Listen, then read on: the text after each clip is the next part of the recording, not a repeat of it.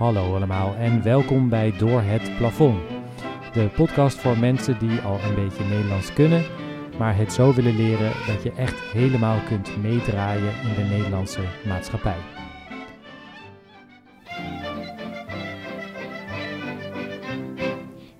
Welkom bij aflevering 2, waarin we het gaan hebben over werk.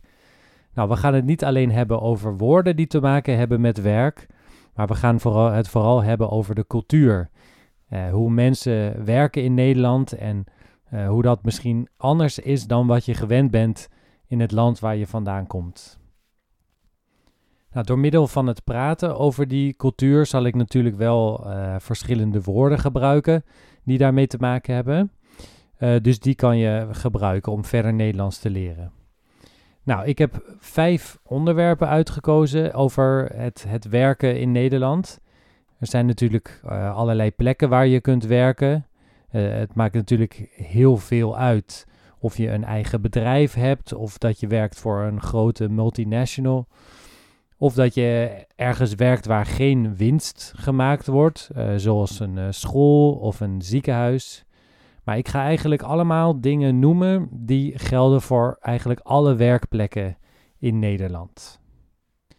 Nou, ik ga beginnen met een woord wat je misschien niet kent, maar het is wel heel erg belangrijk in Nederland. En dat is het woord stiptheid. Nou, heid, het tweede deel van het woord, dat ken je misschien wel, bijvoorbeeld in de woorden mogelijkheid of snelheid.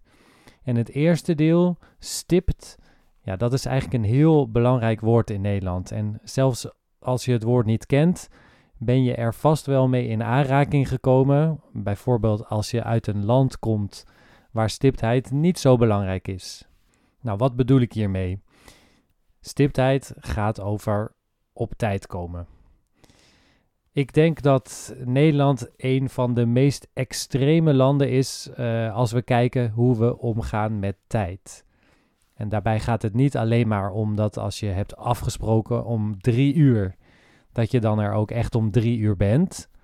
Nee, zelfs dus als je een paar minuten later bent, dan vinden de meeste mensen het wel echt fijn om een bericht te krijgen van dat je te laat bent.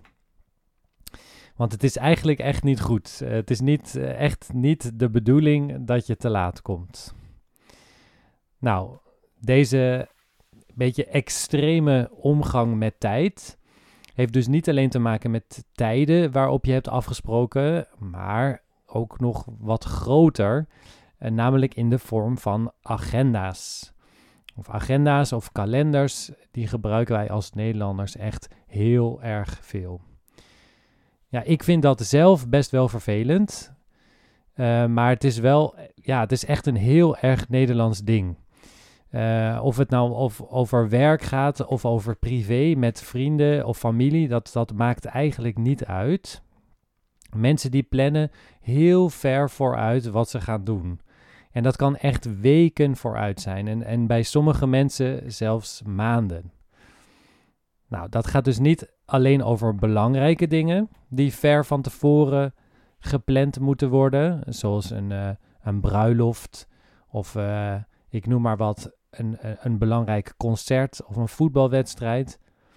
Nee, dit, dit gaat ook gewoon over twee mensen die bij elkaar gaan eten. En dan komt deze mooie uitdrukking: we gaan de agenda's trekken.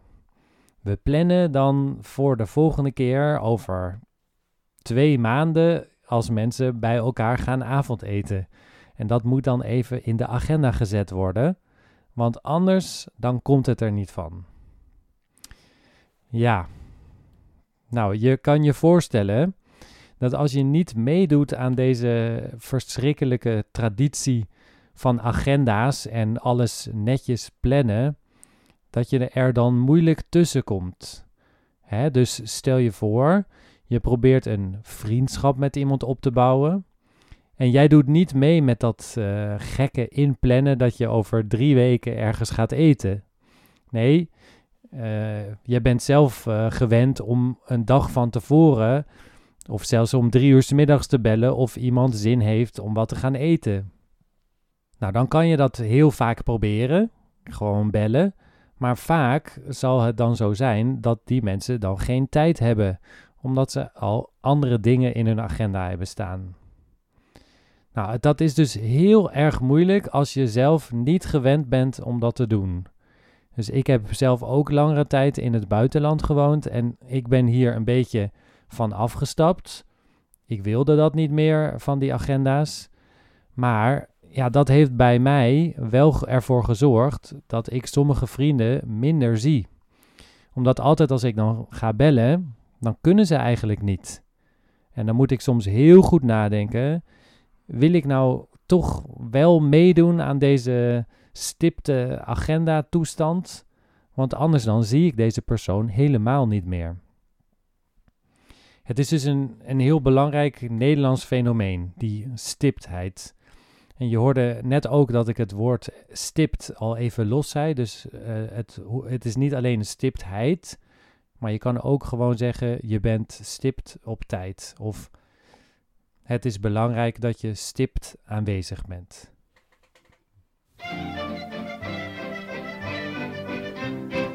Nou, dan even naar een heel ander onderwerp. Uh, de Nederlanders hebben best wel een informele cultuur.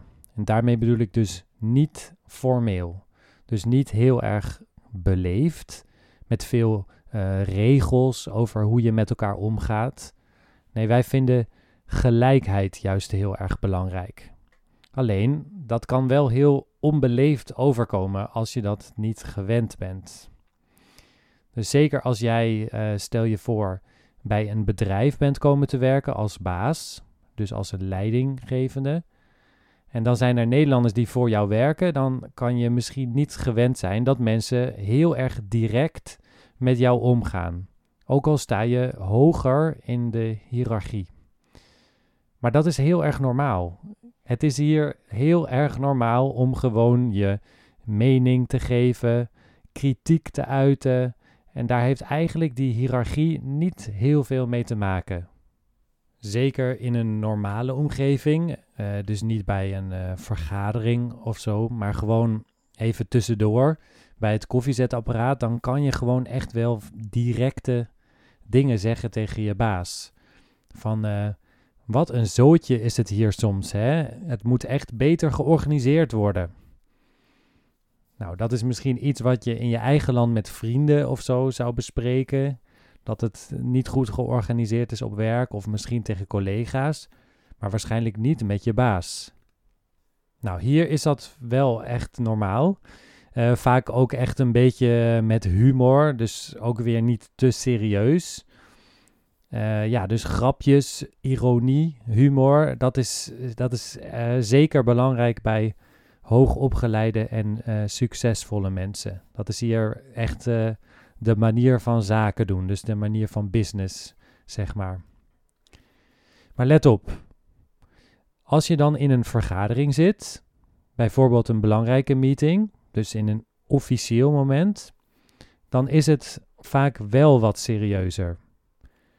Het is dan niet de bedoeling dat je allerlei grapjes gaat zitten maken. En nou ja, als je ziet dat andere mensen dat wel doen, dan kan dat wel, maar ik zou daar ietsje voorzichtiger mee zijn. Als je gewoon aan het werk bent uh, of bij de lunch, uh, dan is het allemaal vrij informeel. Maar bij vergaderingen, dan gaat even de knop om, zoals we dat noemen. Dus mensen gaan echt even aan de slag. Nou, en als je dan bij zo'n vergadering zit, hè, hoe ziet dat er dan uit? Ik heb al gezegd dat wij erg van gelijkheid houden. En dat je het uh, stereotype beeld van de Nederlander herkent, dat wij dus heel direct zijn en ja, zelfs brutaal. En dat kan dus heel erg onbeleefd overkomen op mensen uit andere culturen. Maar ja, dat is een beetje hoe het hier werkt. Het gaat eigenlijk vaak zo: uh, persoon A die wil dit en persoon B die wil dat. Nou, en die dingen die kunnen niet allebei tegelijk. En hoe, ja, hoe werkt dat dan? Nou, persoon A geeft dan heel duidelijk zijn mening. Daarna geeft persoon B heel duidelijk zijn mening. En uiteindelijk kom je ergens uit bij een compromis. Nou, dat is een Frans woord wat wij heel veel gebruiken, een compromis. En dat betekent dat je van allebei de voorstellen, allebei de ideeën, samen één nieuw plan maakt. En we noemen dat ook wel water bij de wijn doen. Als een, een mooi, mooi spreekwoord. En dat betekent dat het best zo kan zijn dat twee mensen totaal verschillende meningen hebben en een totaal verschillend idee van wat er uiteindelijk moet gebeuren. Maar het is bij deze manier van werken wel heel erg helpend als allebei de mensen eerst heel duidelijk hun eigen idee geven. Ook al lijkt dat heel direct en een beetje uh, onaardig voor de andere persoon. Maar omdat het heel helder is dat persoon A het ene wil en persoon B het andere, dan kun je daarna een compromis bedenken van wat je gaat uitvoeren. Nou, daarvoor is het dus heel belangrijk dat allebei de personen wel heel goed uitspreken wat ze willen. En als ze dat niet doen, ja, dan komen er dingen niet boven tafel. Dan heb je uiteindelijk een compromis waar misschien de andere persoon nog steeds niet tevreden mee is, omdat die niet duidelijk zijn mening heeft uitgesproken. Nou, je hoort al dat het wel best wel belangrijk is dat je goed je mening kan geven.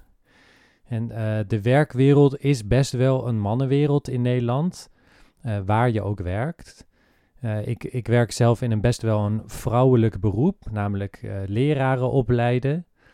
En ook daar werkt het gewoon beter als je goed tak, tak, tak, snel en helder uit je woorden komt.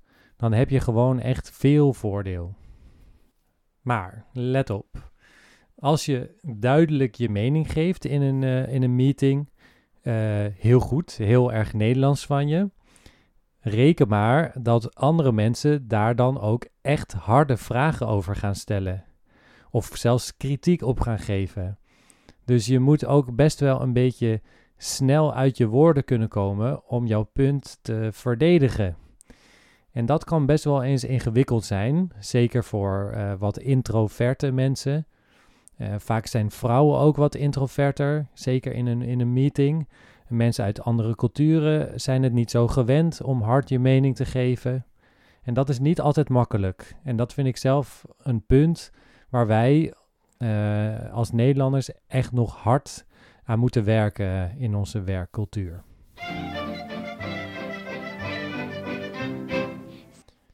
Oké, nou, ik heb het over uh, stiptheid gehad. Ik heb het gehad over informele cultuur. En ik heb het gehad over de manier waarop we communiceren. Nou, dan heb ik nog twee puntjes. De, de vierde is beloftes. Nou, die zijn heel erg belangrijk in Nederland. Dus als je zegt, ik ga dit doen, en er wordt afgesproken in een vergadering of met een persoon dat jij dat gaat doen, dan moet je het ook echt doen. Wij zijn geen cultuur van mensen die dan snel ja zeggen op een ja, ja komt goed manier. Nee, mensen worden echt boos op je als je zegt dat je iets zal doen en je doet dat vervolgens niet. Het kan natuurlijk gebeuren dat het niet lukt, uh, maar dan moet je wel echt ruim van tevoren aangeven dat het niet gaat lukken. Want we zijn echt een, een cultuur van afspraken maken. Dat, dat heb je wel begrepen, denk ik. Dus je wordt echt aan je afspraak gehouden. Dus als je iets belooft, is het echt belangrijk dat je het gaat doen. Dus belangrijk niet ja zeggen tegen dingen waarvan je niet zeker weet of je het kunt. Of, of dat je het kunt gaan doen. En anders heel duidelijk communiceren dat het niet gaat lukken. Erg belangrijk. Oké, het laatste onderwerp voor deze podcast over werk. Um, wat ook typisch Nederlands is, is de balans tussen werk en privé. In het Engels de work-life balance.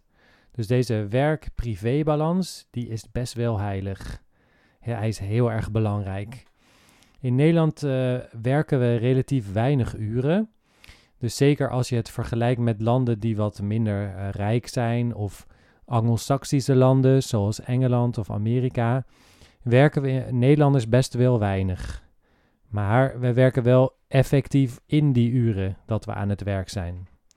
Dus als we aan het werk zijn, dan zijn we aan het werk. Maar ja, we vinden het ook heel erg belangrijk om een goede kwaliteit van leven te hebben.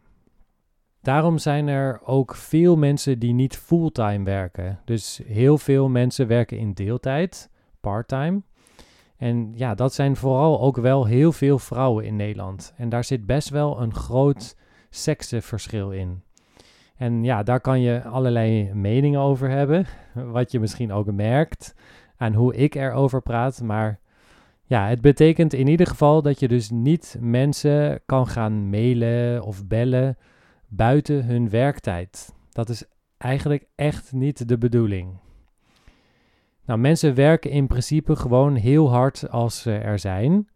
En, en als jouw werk van 9 tot 5 is, ik noem maar wat, dan is het om 5 uur ook echt afgelopen. En dan ga je de volgende dag pas weer verder. Kijk, als er noodgevallen zijn, dan kan je natuurlijk wel mensen benaderen. Hè? Dus maak het niet te gek. Maar het is relatief gescheiden tussen werk en privé. Nou, waar je dat bijvoorbeeld ook echt aan kan zien, is dat Nederlanders gewoon best wel een saaie lunchcultuur hebben. Dus de meeste mensen komen naar hun werk met boterhammen.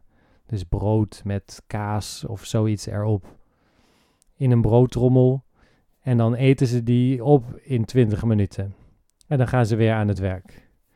Nou, dus aan die lunch kan je zien dat het gewoon allemaal heel erg efficiënt, effectief is. Dus als je komt werken, dan kom je om te werken. En je bent niet uh, er per se om dan helemaal te gaan kletsen met collega's of uitgebreid te gaan lunchen en, en zeker niet uh, te gaan lunchen bij een restaurant. Nou, het is een beetje aan het veranderen. Wat veel mensen nu doen, omdat ze die boterhammen die al uren in een broodrommel liggen uh, niet zo lekker vinden. Dan gaan ze een broodje ergens uh, halen. Uh, en dan eten ze dat lopend weer, weer, weer op als ze naar werk gaan. Nou, ik dacht, dit is wel een goed voorbeeld van waaraan je kunt zien hoe bizar effectief wij eigenlijk als Nederlanders met onze tijd omgaan. Uh, ik zelf, ik hou bijvoorbeeld erg van eten. En zoals ik al zei, ik heb ook nog in het buitenland gewoond. Maar ja, ik eet eigenlijk ook zo vaak, zo snel mogelijk mijn, uh, mijn, mijn brood op voor de computer. Of lopend op weg naar een volgende les. Dus ik ben, ik ben dus ook zeer Nederlands wat dat betreft. Nou, in deze aflevering heb ik dus iets gezegd over het op tijd komen en het plannen. En ik heb iets gezegd over hoe informeel je eigenlijk kunt zijn. Uh, dus met grapjes, maar ook met kritiek. Ik heb iets gezegd over hoe belangrijk het is uh, om helder te communiceren. Wat je mening is. En ook al lijkt dat uh, onbeleefd. En ik heb iets gezegd over beloftes en hoe belangrijk die eigenlijk zijn.